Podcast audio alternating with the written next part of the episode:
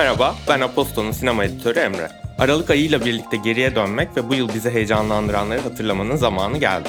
Biz de Duende olarak yılın son 4 haftasını yılın öne çıkan filmlerine ve albümlerine ayırmaya karar verdik. Yılın en iyileri değil, öne çıkanları dediğimi fark etmişsindir. Duende ekibi olarak sıralamalar yapmaktan, büyüktür küçüktür işaretleri kullanmaktan, içeriği önceliklendirmekten mümkün olduğunca kaçınıyoruz. O yüzden de 2022'de hayatımızda yer edinen ve diğerlerinden ayrıştığına inandıklarımızı gruplayarak sana, sunmayı tercih ediyoruz. Bugün 2022'nin öne çıkanları temalı podcast serimizin ilk bölümünde yılın öne çıkan yerli filmini konuşacağız. Konuşacağımız filmi seçerken demin de söylediğim gibi yılın en iyisini düşünerek değil, içeriği, biçimi ve düşündürdükleriyle geride kalan yılı ve Türkiye sinemasının bu yılını en iyi temsil ettiğini düşündüğümüz, özetlediğini düşündüğümüz filmi seçtik. Doğru tahmin ettin, Kurak Günler. Bugün bana Aposto ekibinden Dilara ve çok sevdiğimiz Altyazı Sinema Dergisi'nden Buğra eşlik ediyor. Hoş geldiniz. Hoş bulduk.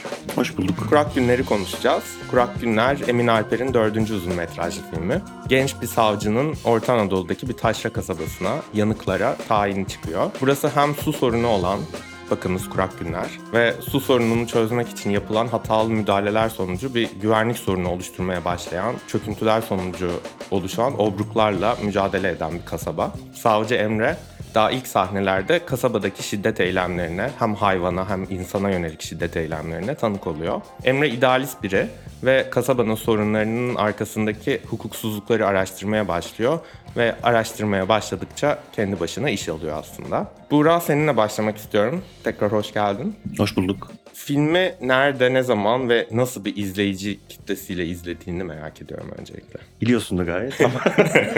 Ee, ben e, iki kez izledim filmi. Ee, ilki Antalya Alt, Altı Portakal'da e, Türkiye premierinde izledim. Sonra da tekrar Suç ve Ceza Film Festivali'nde izledim. İkisi de kendi içinde ayrı deneyimlerdi. Zaten bence bugün konuştuğumuz şeylerin ana konularından birisi bu olacak gibi geliyor bana. Filmi deneyimleme durumu yani. Dilara sen? Ben Kurak Günleri 19 Kasım'da izledim. Suç ve Ceza Film Festivali'nde. Atlas sinemasındaydı. Güzel bir seyirci kitlesiyle izledim. Ee, ama filmden sonra böyle soru cevap kısmına geçtiğimizde böyle çok iyi sorular çıkaramadık bence izleyiciler olarak. Fakat şöyle bir not aldım. Emin Alper'in şöyle bir beyanı oldu. Son 6-7 yıldır Türkiye'de yaşadığımız boğuntu hissini, karabasan hissini, çıkmaz hissini, neyin gerçek neyin doğru olduğunu bilememekten kaynaklanan o şaşırmışlık halini yansıtmak istedim diyordu filmle ilgili olarak ve bence çok iyi anlatmıştı. Böyle bunun altını çizmişim. Burada da çizmek istedim, söylemek istedim. Ben de filmi iki kere izledim Buğra gibi. Benim ilkim Ankara Film Festivali'ndeydi. Ardından da İstanbul'da yine ikinizle de beraber Suç ve Ceza Film Festivali'ndeki gösterimde izledim. İkisinde de salon tıklım tıklımdı bu arada. Yani onu da söylemek gerek. Yani kapıda boş yer var mı, fazla bilet var mı diye kuyrukların olduğu gösterimlerdi hepsi. Benim Ankara izleyicisini hep duyuyordum. Ankara'daki ilk ilk Ankara Film Festivalimde. Ankara'daki izleyicinin böyle güzel sorular sorduğu hep kulağıma gelen bir şeydir. Gerçekten öyleymiş. Bir de yalnız şunun ben de altını çizmek istiyorum. Hani filmde anlatılanların gerçeğe yakınlığından şüphe zaten hiç etmemiştim. Ama hani öyle bir şüphe etseydim gerçek olduğuna dair inancım güçlenirdi. Çünkü seyircinin arasında gerçekten o coğrafyada yaşamış işte çevredeki kasabalardan, illerden üniversite için Ankara'ya gelmiş ya da festival için Ankara'ya gelmiş izleyici filmdeki şeylerin ne kadar gerçek olduğuna yönelik bazı yorumlarda bulundu ya da bazı sorular sordu. O iyi bir detaydı benim için. Peki filmde sizi en çok etkileyen sahneleri sorayım. Ben de Antalya deneyiminden bahse bahsetsem mi? Siz güzel Bahset, detaylar verdiniz. tabii. Ben de Lütfen. bahset. Çünkü buraya gelirken aldığım notlardan, temel notlardan birisi buydu. Ya bence şey söylemek lazım. Film e, zaten detaylarını konuşacağız şimdi ama film gerçekten hani bir deneyim filmi ve bir arada izlemenin, bir arada deneyimlemenin bütün o seyri çok temelden etkilediği bir film bence. E, önce onu söylemek lazım. O yüzden bu şimdi herkes nerede izledin sorusu iyi oluyor bence. Ben de oradan şeyi ekleyerek hani size bırakayım. Yani Antalya'da e, Türkiye premieriydi ben izlediğimde. Yani nasıl bir şey izleyeceğimizi biraz biliyorduk tabii ki kandan gelen film vesaire ama yani çok da bilemiyorsun ya aslında. Ve yani izlediğimiz, deneyimlediğimiz şey e, özellikle filmin son 45 dakika bir saatine yak- yakın yaptığı şeyle birlikte o sona doğru gerçekten bittiği anda inanılmaz katartik bir etki yarattı bende en azından. Ve onun bunu insanlarla o salonla beraber yaşamanın etkisi bunda yatsınamaz yani çok çok temel bir etki. Ve beraber onu yaşamanın hali salon bitti ışıklar açıldığında herkesin yüzünde vardı. Öyle bir yani o ekibin bir an ekibi herkesin kucaklamak üzere böyle bir şey gibi girdap gibi gittiği bir görüntü vardı. Gerçekten çok hani değerliydi ki Suç ve Ceza'daki deneyim de öyleydi bence. O yüzden hakikaten beraber izlemek çok önemli bence bu filmi gibi geliyor bana. Sebeplerini konuşuruz. En etkilendiğiniz sahneleri sorayım. Ee, spoiler vermeden böyle etrafından dolanarak anlatmaya çalışacağım. Fenerlerle bir kovalamacının olduğu bir sahne vardı. Ben ondan bayağı etkilendim. Bu sahneyi yukarıdan görüyorduk. Çok güzel bir görüntüydü. Bunun dışında obruk gördüğüm sahnelerden çok etkilendiğimi söyleyebilirim ve bence çok güzel, sağlam bir şeyi simgeliyor. Yani filmde de sürekli böyle anlatıda devam eden, yani yerin ayaklarımızın altından çekilmesi ve yer altında olanın gün yüzüne çıkmasını simgelemesi benim çok hoşuma gitti. Mutlak doğrularla muğlak doğruların yer değiştirmesini temsil ettiğini düşündüm. Ve tabii ki de önlenemeyen bir çöküşü. Hem gerçek anlamda hem de mecazi anlamda. Valla ben bu soruyu cevaplamakta zorlanıyorum biraz aslında. Yani üzerine düşünmeden söylemiyorum bunu. Açılış sahnesi diyeceğim ben. Açılış sahnesi beni böyle o neyle yani ne yaşayacağız, neyle karşılaşıyoruz şu an hissiyatını bana verdi. Ve filmin biraz yapısı da gereği aslında oradan başlayıp tamamen böyle ucuca eklenmiş. Böyle çok uzun bir an gibiydi bence film. O yüzden ilk an daha çok aklımda kaldı. İlk an, ilk kare, yani ilk sahne, e, ilk sahneden kastım şey bu arada. Domuz kovalaması sahnesi şey değil. İlk gördüğümüz, iki karakteri gördüğümüz oprunun önündeki sahne değil yani. E, domuz, domuz kovalaması sahnesi ve final karesi tabii ki. İkisi bende kaldı yani. E, bence filmin yapısıyla ilgili gibi ge- geliyor bana bu. Yani çok şey olduğu için. Ve filmin tümünü o kadar iyi özetleyen bir sahne ki o. Kesinlikle. Yani senin de dediğin gibi ben de filmin açılış sahnesi diye kalıyor o hep aklımda. Sonra düşünüyorum abi ondan önce bir sahne O daha şey var. gibi böyle yani film başlarken böyle bir tane ampul takıyor gibi. O sen onu ya o kadar unutulmaz bir imge ki o. Yani filmi izlerken sürekli aklında o var zaten. En sakin sahnede bile o bir yere gitmemiş oluyor. Çünkü o kadar çarpıcı gerçekten. Yani sahade sa- şeyden bahsetmiyorum. Sadece şiddet görüntüsünün grafik yani rahatsız ediciliğinden bahsetmiyorum. Bizdeki uyandırdığı bütün toplumsal, sosyal, bütün korkular, endişeler ve kaygılar kaygıları çok tetikleyen bir sahne o. O yüzden çok belirleyici oluyor. Gölge gibi filmin üstünde devam ediyor bence. Ben de göl kenarında ilk iki ana karakterin ilk karşılaştığı sahneden bayağı etkilendim. Çünkü orada karakterlerden birinin niyetinin olduğunu çok bilmiyorsun. İyi biri mi, kötü biri mi, ne yapmak istiyor. Ve orada o gölün tehlikeli bir yer olduğunu, orada yüzmemesi gerektiğini söylemek için yanına yaklaşıyor aslında. Ama işte buraya bir daha gelme şeklinde tonlayınca bunu zaten aralarında bir de bir cinsel gerilim de olduğunu hissediyorsun. Her şey böyle çok gergindi. Yani aşırı aydınlık ve güzel bir yüzme sahnesi falan aslında ama bir yandan da çok gergin bir sahne. Böyle western sahnesi gibi ya zaten şey de Ekin Koçu karakteri de böyle bir şey gibi geliyor. Atıyla yukarıdan gelip böyle bir e, yabancı hani falan gibi havası da var. O ya, ger, ge- ger- bir gerilim var ama o gerilimin ne olduğunu güzel oynuyor bence orada. Bir de Burak sana şeyi sormak istiyorum. Tamam biz bugün konuşmak için dediğim gibi Türkiye sinemasının bu yılını en iyi temsil ettiğini düşündüğümüz film olarak seçtik Kurak Günleri. Ama yani bizim için başka bir ihtimal yok gibiydi. Çünkü aylardır ofiste önce Kurak Günleri nasıl izleyeceğiz, ne zaman izleyeceğiz diye. Sonra da filmi izledikten sonra film hakkında konuşuyorduk. Sizde durum neydi altyazı tarafında, kendi aranızda ve sence bu iyi bir seçim mi gerçekten Türkiye'nin bu seneki sinemasını temsil etmek için? İkinci soruya cevap vereyim. Kesinlikle evet. Yani bu çok açık bir şekilde bence öyle. Bu sene çok rahatız bu açıdan. Yani şey, ya bunun birkaç sebebi var. Konuşuruz belki. Biz biraz liste seviyoruz, sıralandırıyoruz sizin. Sizin çok hani benim çok hoşuma giden bakış açınız çok iyi. Bizim de öyle bir geleneğimiz var. Biz de liste yapıyoruz. Onu göreceğiz. Tahminlerim var bu konuda ama o zaman ikinci sorudan devam edeyim istersen. Ya birincisi zaten hani en net olan şeyler hani Cannes'dan gelen film. Ee, işte Avrupa Film Ödülleri'nde ödüllendirilmiş. Uluslararası çapta ilgi görmüş vesaire. Film bu sene Türkiye sinemasından çıkan belki de bu çapta ilgi gören belki de tek film diyebiliriz herhalde. Birincisi bu yüzden tabii ki öyle. Ama bu değil sadece.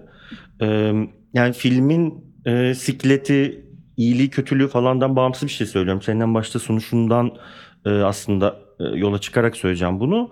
E, yani sadece bence bu yılın değil, içinde yaşadığımız bu dönemin e, en iyi e, tanımlayıcılarından birisi olacak bence bu film. Yani çünkü doğrudan zamanın ruhuna e, cevap veren, doğrudan kendini bu dönemin, bu Türkiye'de yaşamanın, son yıllarda Türkiye'de yaşamanın gerçekliğinin bir parçası gören bir film bu ve onu aynalayan, onu yansıtan bir film.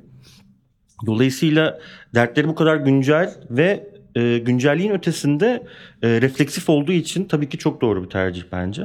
Yani refleksden kastım şu yani gerçekten şu an e, belki iki defa böyle bir şey izliyoruz bence çok uzun zamandır. E, şu an yaşadığımız toplumsal gerçekliğin ne olduğuna dair çıkıp baya hani kafayı gözü yararak giren e, bir hikaye anlatan ve doğrudan bir hissi e, bir yerde kristalize etmeye çalışan bir film var önümüzde ve tabii ki bu yıl bunu konuşacağız. Yani konuşacağımız başka filmler tabii ki var. Ee, ama işte diğer unsurlarla birlikte e, bir de gerçekten e, Emin Alper sinemasının geldiği nokta, Emin Alper'in geldiği nokta ve bütün bu hani reji maharetiyle birlikte tabii ki e, beni bu sene en çok heyecanlandıran Türkiye filmi bu. O yüzden ben memnunum tercihinizden. Teşekkür ederiz. Bir yandan da yani hani toplumdaki farklı olana ya da muhalif olana, dışarıdan gelene karşı bakışı çok güzel yansıtıyor film. Dilara burada senin linç kültürüyle ya da işte sosyal linç temasıyla ilgili film aracılığıyla söylemek istediğin şeyler var mı? Evet. Açıkçası linçlerle örülmüş bir yakın tarihimiz olduğunu söylemek çok abartılı bir şey olmayacak. Ben bunu düşünürken aklıma direkt çubuk linci geldi. Tabii ki de yani çok uzun bir listeden bahsediyoruz ama aklıma bunun gelmesinin sebebi şuydu. Kılıçdaroğlu'nun linç edildiği bir örnekten bahsediyorum. Bir adam yumruk atmıştı Kılıçdaroğlu'na böyle bir şey olmuştu ve sonra bir AKP'li işte Etimeskut Belediye Başkan aday adayı gidip bu yumruk atan adamın elini öpmüştü ve burada yani iktidarında mesajını görmüştük. Filmde de mesela bizi şaşırtan ama çok da şaşırtmayan şöyle bir şey vardı, bir detay. Yani bir avukat aslında suç işliyor ve suç işlediğine şaşırmamıza şaşırıyoruz gibi bir durum vardı. Bunu söyleyip şöyle bir yere geçeceğim.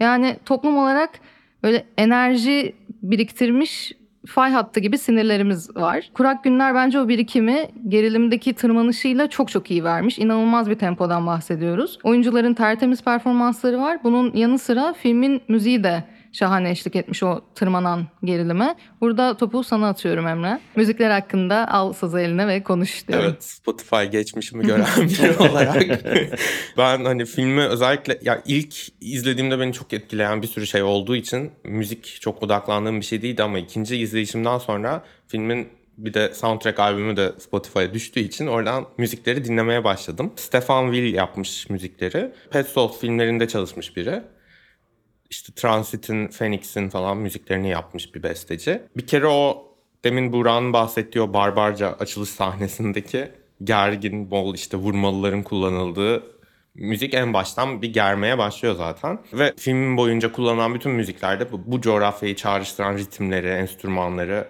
çok sık duyuyoruz. Ama hiçbir zaman oryantalist bir iş olduğunu düşünmüyorum mesela. Ne bileyim o Hollywood filmlerinde kullanılan sarı filtre etkisi yaratmıyor bende bu müzik. Bir yandan da filmdeki gerilimin büyük bir kısmı ya da halkı kışkırtmak için kullanılan şeylerin temeli susuzluk ve kuraklık olduğu için müziklerde şey çok dikkatimi çekti. Özellikle müziği dinlediğimde çekti daha çok filmi izlerken değil de bir musluk açma kapama gıcırtısına benzeyen sesleri çok kullanmış. Bir de musluktan damlayan su efektlerini çok kullanmış müziklerde. O bayağı etkiledi beni müziklerde. Bir de melodik yerlerde de bu Ben Frost'un Dark soundtrack'i ya da Max Richter'in Leftovers soundtrack'ini böyle hatırladım bana beni çok çağrıştırdı. Belki hani üç bestecinin de Almanya tarafından gelmesinden de etkisi vardır bilmiyorum. Kurgu ve görüntü yönetimindeki tercihler de bayağı etkileyiciydi. O gerilimi çok destekleyen, o işte toplumsal atmosferi çok destekleyen şeylerdi.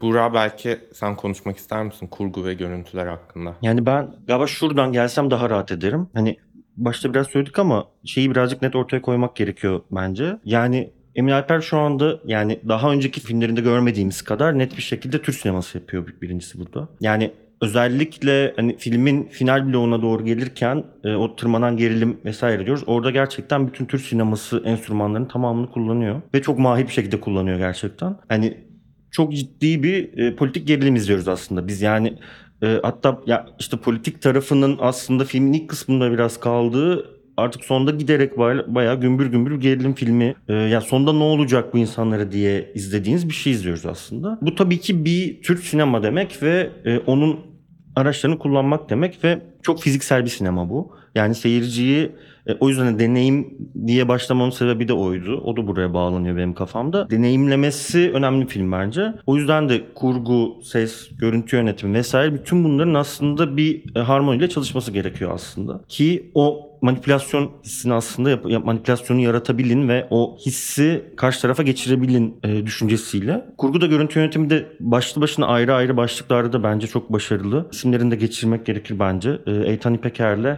Özcan Vardar e, yaptı kurgusunu. Hem Antalya'da hem Ankara'da ödül aldılar. Sonrasında Avrupa Film Ödülleri'nde ödül aldılar. Bence çok hak edilmiş ödüller. İkisi de zaten kendi alanlarında sektörün en iyi kurgucuların, kurgucularından ikisi ve bildiğim kadarıyla biri başlıyor sonra devam ediyor gibiymiş. Yani bir şey buradan nasıl bir şey çıkar çok iyi bir şey çıkar herhalde diye düşünüyorsun ve gerçekten öyle bir şey çıkıyor. Sonda gelen özellikle işte son kısımda bahsettiğimiz o yüksek tempolu ve seyirciyi bir hissin içerisine atan şeyin ana malzemesi tabii ki kurgu ve son hani son zamanlarda bence kurgu üzerine daha çok konuşur olduk ve çok daha fazla konuşmayız aslında biz de sinema yazarları olarak yani. Çünkü çoğu şeyin temelinde bu var. Özellikle böyle örneklerde e, ne kadar belirleyici olduğunu görüyoruz yani. Çok tempolu, çok insan üzerine böyle o baskıyı veren bir hissiyat o ve hemen onun üzerinden gidiyor. E, görüntü yönetmeni de e, Christos Karamanis. Doğru söylüyorsam eğer. Tabii ki o da çok iyi bir görüntü yönetmeni yani ve orada da şey durum var. Gerçekten aslında söylediğin e, ses için söylediğin şey bence görüntü yönetimi için de geçerli. Yani hem çok otantik Türkiye'ye dair özellikle dışarıdan bakan bir gözün hani Türkiye'ye dair, Türkiye'nin bu günceline dair bu kadar otantik bir şey yaratıp bir yandan da o oryantalizm sınırını aşmaması çok zor bir sınır o ve tabii ki bun- bunların çoğu yönetmenin becerisine yazıyor bence. Ama özellikle işte o yani obruk görüntüsünü kullanma şeklinden, e, obruğun o çatlaklı ve korkutucu görüntüsünü filmin anlam dünyasına taşımaktan işte o bütün o kovalama işte baştaki kovalamaca sahnesini düşünüyorum. Ya da daha mesela şeylerdeki e, masa başında karakterlerin oturduğu o trafikte vesaire her şekilde çok hani bütün bu dünyaya konuştuğumuz dünyaya çok uyumlu ve onun önemli parçası olan bir tabii ki iş var ortada. Zaten filmin bence yani yönetmen ve kurgu dedik ama seste, oyunculuklarda yani o film dilinin yani mizansende her şey yani o film dilinin bütün unsurları hak- hakikaten çok üzerine özenle çalışılmış. Ee, yani böyle bir şey diyorum böyle bir Eminent Per övgüsü yapıyorum ama yani şey üzerinden söylüyorum bunu. Şeye saygı duyuyorum yani gerçekten çok çalışıldığı çok belli bu filme. Yani bütün konuştuğumuz şeyler üzerine özenle çalışılmış, e, hepsi düşünülmüş ve hepsi belli bir amaç uğruna kullanılmış ve hani böyle bir şey çıkmış önümüze diye düşünüyorum. Bunun politikleriyle ilgili bir şeyler söyleyesim var ama çok uzatmayayım size bırakayım Ge- geliriz buraya. O zaman linç konusundan devam edelim. E, linç teması bu sene Türkiye sinemasına öne çıktı diyebiliriz rahatlıkla. Kurak Günler'le birlikte Karanlık Gece'yi anabiliriz burada. Özcan Alper'in Karanlık Gecesi. E, linç temasını işleyen ve ironik bir şekilde manevi lince maruz kalan iki yapım. Ben Karanlık Gece'yi maalesef henüz izlemedim. Burada o yüzden sözü size bırakacağım. Bu bağlamda neler söylemek istersiniz? Ben aslında Kurak Günleri ve Karanlık Gece'yi iki gün üst üste izledim. Çok yakındı yani. O yüzden direkt karşılaştırma imkanım oldu kendi içimde.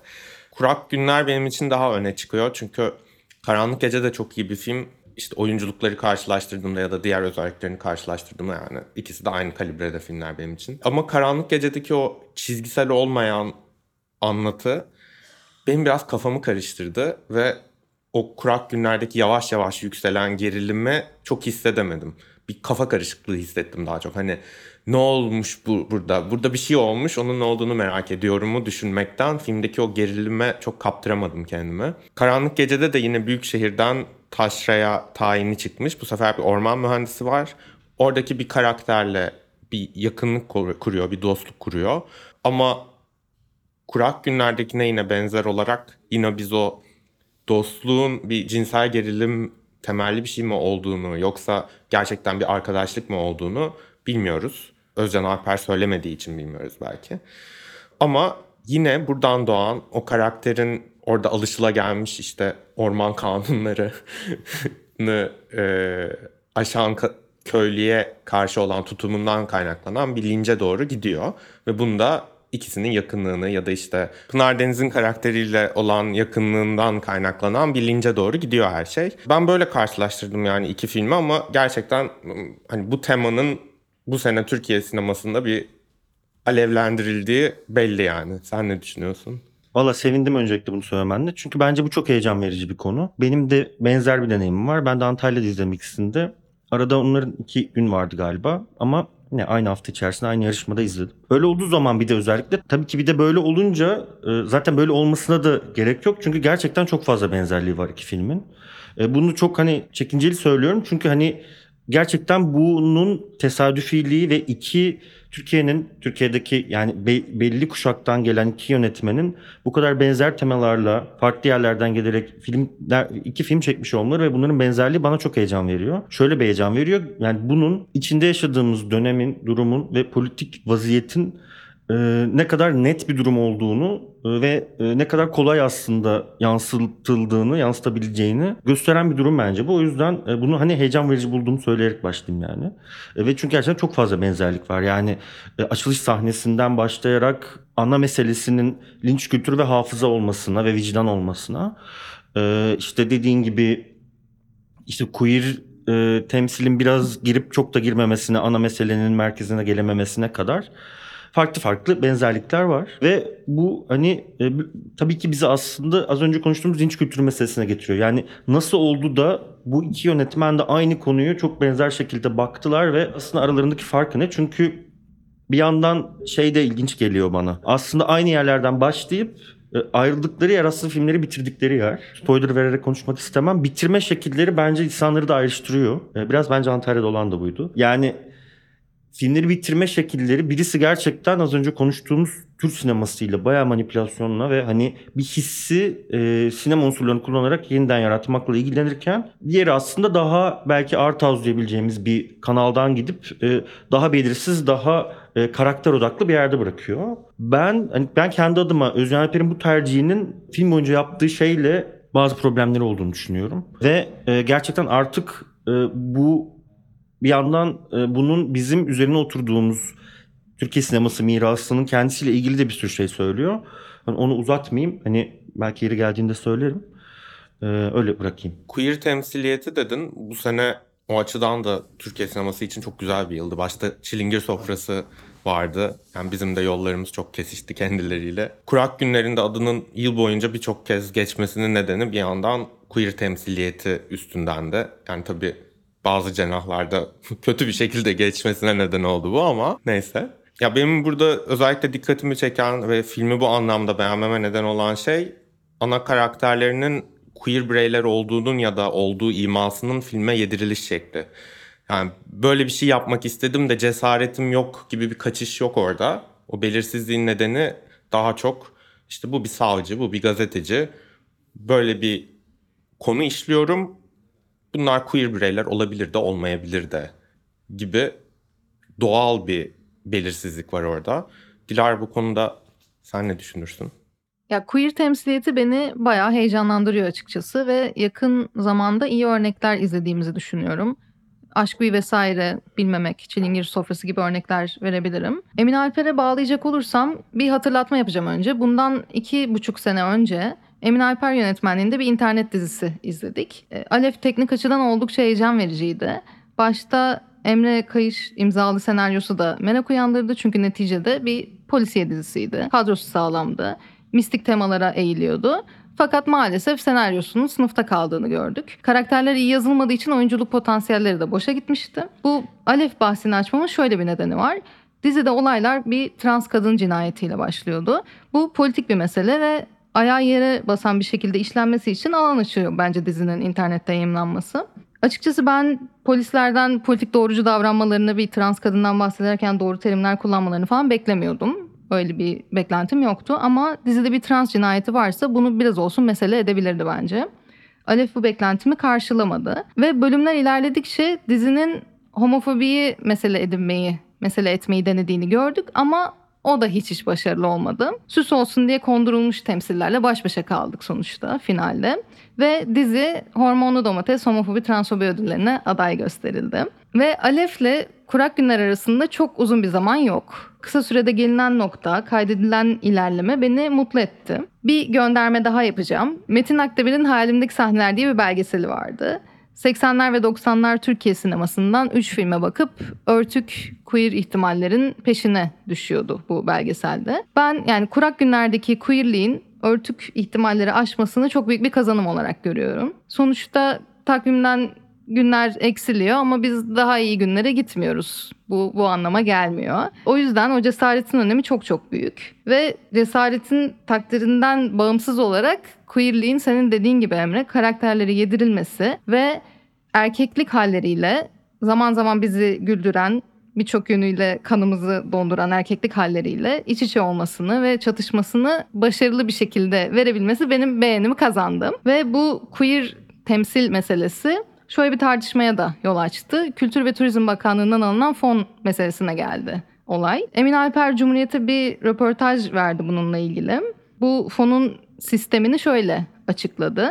Öncelikle içinde sektör temsilcilerinin olduğu bir komite var. Önceki başarılarına bakıyor, senaryonun kalitesine bakıyor ve buna bakarak veriyor fonu. Emin Alper şöyle bir şey diyor bu röportajda. Ülkedeki haksızlıklara karşı sesimizi çıkarmamamız şartıyla verilmiş bir destek değil yani diyor. Bence çok güzel özetlemiş. Bakanlığın fon sisteminden devam edeyim. 3 taksitte veriliyormuş bu fon. Senaryodaki değişiklikleri, çekimleri ve kurgu da tamamlandıktan sonra filmin bitmiş halini bakanlık görüyor yani. Ve bakanlık Nisan 2022'de kan öncesinde filmin tamamlanmış halini teslim alıyor ve hiçbir şekilde sorun yaşanmıyor. Fakat kan sonrasında iktidara yakın gazeteler filmi hedef göstermeye başlıyor. Emin Alper bu bahsettiğim röportajda bu saldırının amacını şöyle açıklıyor. Yani amaç bakanlığın verdiği parayı geri istemesini sağlamak. Bu destek tümüyle filme verildiği için de asıl maksat bizi finansal iflasa sürükleyerek cezalandırmak diyor. Ben bundan da bahsetmek istedim bu konuşmamızda. Burada belki şey de eklemek lazım. Yani çok daha tabii ki çetrefilli mevzu ama e, kara liste konuları biraz gündemden kalkmış olabilir ama tabii Hı ki hafızamızda çok diri ve e, Emin Alper tabii ki e, o kara liste laflarında geçen en önemli isimlerden birisiydi. Dolayısıyla oradan yerleşik bir alışkanlık var yani bütün bu linç kültürünün doğmasına sebebiyet veren yine geçmişteki devletin açıktan yaptığı politikaları tekrar çağırıyor bu insanlar. Yani bunları tekrar hani e, tekrar dışlayın gibi bir mesaj ve şey var rahatlık var burada yani. Bunu da söylemek lazım bence. Film özelinde böyle konuşmak istediğiniz başka bir şey var mı? Yoksa biraz şeye bağlayıp toparlamaya geçeceğim. Ee, Emin Alper sinemasıyla Kurak Günler'in ilişkisi üstünden konuşacağım. Ben bir şey söyleyebilirim belki. Çok konuştum ama. Hem de aslında az önce Dilara'nın söylediği, aslında bizi getirdiği o e, gerçekçi karanlık yerle ilgili e, bir şey söyleyerek belki sona bağlamak isterim. Yani Türk sinemasından bahsettim ve hani Emin Alper'in yaptığı şeyin bir hissi sinema üzerinden tekrar e, yaratmak olduğunu söyledim. Konuştuk da kendi söylediği şeyler üzerinden. E, aslında bunun nedeni üzerine biraz kafa yormanın e, benim ben kendi adıma e, zihin açıcı buluyorum. Çünkü şöyle bir yerden e, kuruyor bence bunu. Buna ihtiyaç var gibi bir durum var. Yani biz bir süredir e, bu artık ona karanlık mı dersiniz, boğuculuk mu dersiniz, artık üzerimize gelen şey mi dersiniz? Türkiye'deki belli bir kesimin tamamen artık hani konuşmadan hissettiği bir arada yaşadığı bir his bu. E, ve o o hissin artık bu politikliğe, bu fizikselliğe ihtiyacı var diyor bence Emin Alper böyle film yaparak. Yani e, biz e, Kutsal Motor'daki, Kutsal Motor'da Antalya'da yaptığımız videolarda e, Evrim Kaya çok muhteşem bir şekilde şöyle bir şey söylemişti. Ondan alıntı yapmak istiyorum.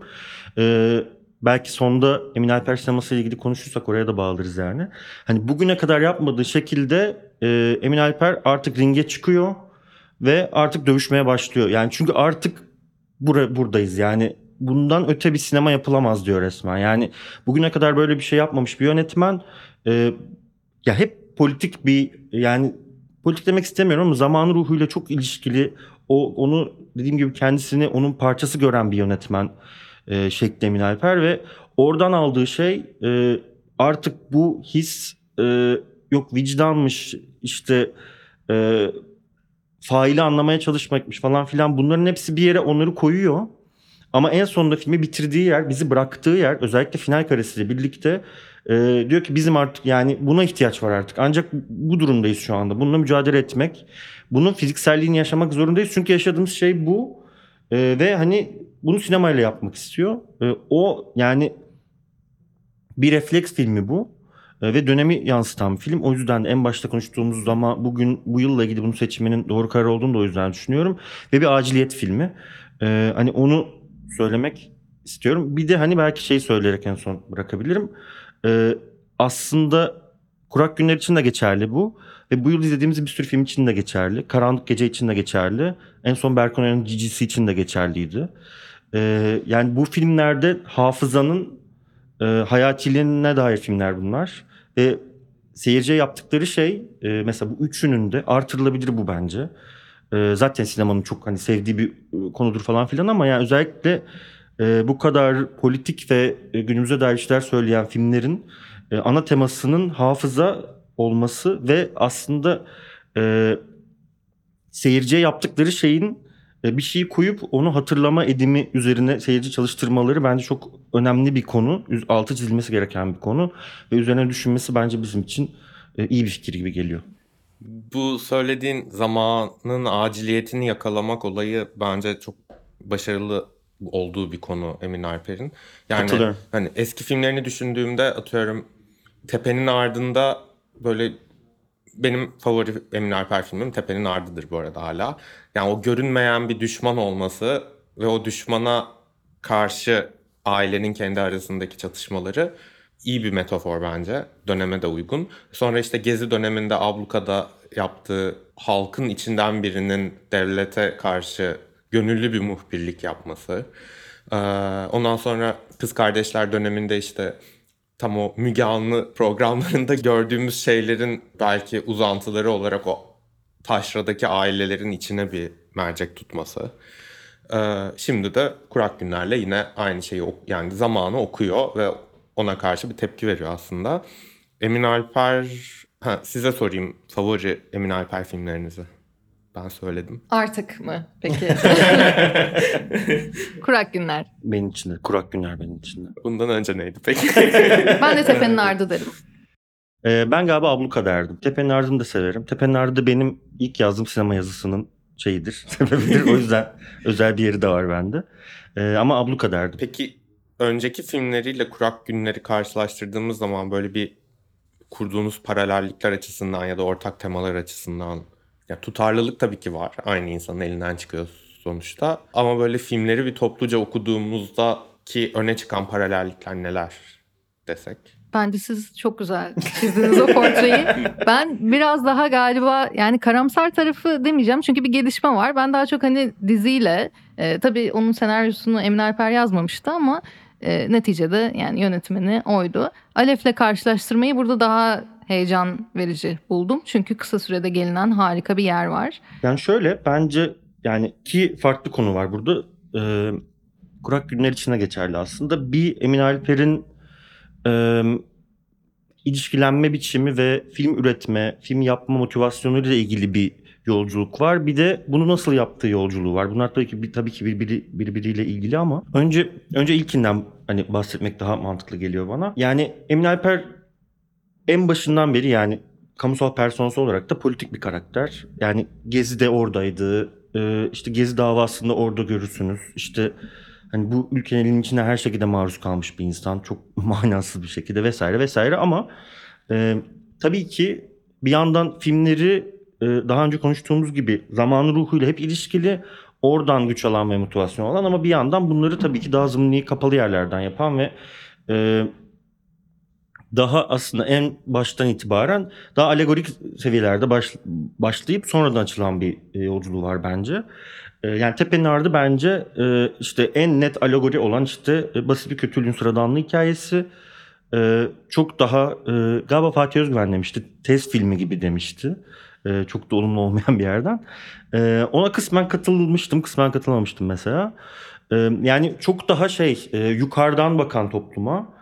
Ee, daha biraz daha aslında Emin Alper'in akademik e, tarafını biraz çağrıştıran e, topluma biraz daha yapısalcı bir yerden bakan ve onu, gören bir tarzı vardı. Ve işte belki o ikinci kısım nasıl yaptığı kısımla ilgili hani orada giriyoruz. Abluka ile birlikte aslında onun içine girmeye başladı ve daha doğrudan daha yakından bakmaya başladı ki Kurak Günler'de işte tekrar ringe çıktığını gördük e, ringe çıktı diye ifade ettiğimiz noktaya geldi. Yani orada mesela e, ablukada kullandığı Cevdet Ereğin e, e, davulları mesela bugün kurak günleri düşündüğümde onu hatırlıyorum. Mesela o oradaki üretilen e, tecrübenin buraya yansımaması gibi ihtimal yok yani. O çünkü o da abluka'nın belli yerleri aslında Kurak Günler'in finalindeki şeyleri çok bence çağrıştırıyor. Bence öyle bir yolculuğu var. Ama bir yandan tabii ki o zamanın ruhunun zaman ruhuyla ilişkili deyip duruyorum. Aslında az önce söylediğim şeyle çok ilgili. Yani şu şu demek istiyorum. E, zamanın ruhu giderek tepenin ardındaki dönemde değiliz şu anda Türkiye'de ve giderek daha kötüye gitti. Ve e, ben Emin Alper'in hani ilk filminden beri, kısa filminden beri bir şekilde hani seyircisi olarak takip ederek, takip ettiğim için e, hani bunu görmek bana heyecan verici geliyor. Bu zamanın ruhuyla ilişkili olarak film üreten bir insan bu. E, motivasyonları filmin mutlaka onu kendinin parçası olarak gören e, filmler oluyor. E, ve giderek e, yaşadığımız durumu aynalamaya devam etti ve giderek daha akut bir hale geldi bu. E, kurak günlerde artık gerçekten işte sokağın ortasına çıktık yani hani ve bundan sonra nereye gider bilmiyorum. Ama bütün bunlar o oradan almakla ilgili ve e, aslında bu yaptığı şey de e, üzerine oturduğu yeni Türkiye sineması mirasıyla çok ilgili. Yani sonuçta e, Emin Alper yeni Türkiye sineması kuşağı dediğimiz e, işte Nuri Bilge Ceylan, Yeşim Ustaoğlu, e, Semih Kaplanoğlu vesaire bütün o e, kuşağın sonrasına gelen bir sonraki kuşağın ismi ve aslında tabii ki o kuşağın çoğu için geçerli olduğu gibi hep orayla ilişkilendirme, orası üzerinden tanımlanma gibi bir mesele var. Burada ne şeyi söylemek istiyorum. Yani Emin Alper de bunun farkında ve en başından beri zaten bununla bir hem mücadelesi var hem e, ya bir meselesi var onunla yani. Ve e, burada da onu görüyoruz ve burada artık iyice e, koptuğunu gördük. Çünkü başta mesela işte Tepe'nin Ardı e, gerçekten o mirasın mirasla çok daha ilişkisi net, keskin yani net bir şekilde görülebilen bir filmdi. Ya Tepe'nin Ardı o mirasla ilişkisi çok net gözüken bir filmdi. Mesela e, Taşra'ya bakma, Taşra'ya ilişki ve ona bakma mesafesi açısından söylüyorum aslında. Ve o e, yeni filmleriyle Abluka'yla işte e, sonra Kız Kardeşler mesela çok bence önemli bir örnek. Sonra şu anda da Kurak Günler'le aslında hep bir şekilde taşraya ya da şehrin taşrasına bakma durumunun devam ettiği ama dönüşüm geçirdiği, evrim geçirdiği bir durumdan bahsediyoruz. Ve işte Kız Kardeşler orada çok önemliydi. Ben mesela hani çok eleştirilmişti Kız Kardeşler. Bir, çok sevilmişti bir yandan çok eleştirilmişti. Ben onu da katarak söyleyeceğim yani. Hani bir şekilde o mirası gören, bilen sizi görüyorum. Ama onunla oynayan bir filmografisi var bence şu anda Emin Alper'in. Kız kardeşleri de buna katarak söylüyorum. Yani onun içine girip onu çatlatarak içinden çıkan bir filmografi var bence. Çünkü bir yandan hem film üretme motivasyonları yani Bilge Ceylan'da ya da Semih Kaplan'da olmadığı kadar net bir şekilde politik ve zaman ruhuna uygun. O gelenekten farklı olarak yani o politikliği görüp etrafından dolanmak yerine onun içinden çıkmak ve ona belli dolayımlarla bakmak gibi bir tarzı var birincisi bence. Dolayısıyla orada öyle bir temel fark var. İkincisi en son şeyi söyleyerek bitireyim. Kurak günlerle birlikte artık geldiği noktada bunu hem karanlık gece için de söyleyebiliriz. Bu yıl izlediğimiz kar ve ayı için de söyleyebiliriz bence. E, şu an geldiğimiz noktada işte bütün bu artık hani Yusufların dönemi bitti, Emre'lerin dönemi başladı. Sana burada şey yapıyorum ama tuhaf oldu ama. e, sık sık konuşulan yani Yusuflar bitti artık Emre'ler başladı. Zaten Emin Alper bunu e, kendi soru cevaplarında da hep söylüyor. Yani öylesine bir isim değil Emre yani. Bir belli bir kuşağı çağrıştıran işte e, kendisinin ifadeleriyle Kemalist tedrisattan geçmiş işte batılı eğitim almış seküler işte beyaz vesaire karakterlerin geldiği işte Yusuflardan Emre'lere geçiş aynı zamanda şeye de geçişi getiriyor. Yani Karanlık Gece'de de bu var Kurak Günler'de de bu var. Yani bizim Nuri Bilge Ceylan'ın ilk dönem filmlerinden Semih Kaplanoğlu'nun Yusuf Üçlemesi'nden vesaire bildiğimiz alıştığımız e, Taşra'ya bakış Taşra'nın boğuculuğu sıkıcılığı ve aynı zamanda aşkınlığı ve romantizmi artık bitti. Artık Taşra'nın öldürücülüğü var. Artık Taşra bizi boğmuyor, Taşra bizi öldürüyor. Çünkü bu durumdayız da gelen bir durum var. Bu bence üzerine düşünmesi e, uzun uzun bence düşünmemiz gereken bir konu olacak. Hani biz sinemayla ilgilenen insanlar olarak. Dediğim gibi yani bu yıl bu temaları bu kadar sık görmemiz de bizim için aslında çok heyecan verici ve işlevsel yani. Öyle söyleyeyim. Çok güzel bir kapanış oldu bence. Katıldığın için çok teşekkürler Ben Burak. teşekkür ederim. Eşlik ettiğin için çok teşekkürler Dilara. Ben teşekkür ederim. Duende'nin 2022'nin öne çıkanları temalı podcast serimiz önümüzdeki hafta müzik alanında devam edecek. Sözü Taner ve Kore'ye bırakacağız. Sonra yılın öne çıkan yabancı filmiyle tekrar bir araya geleceğiz. Hoşçakalın.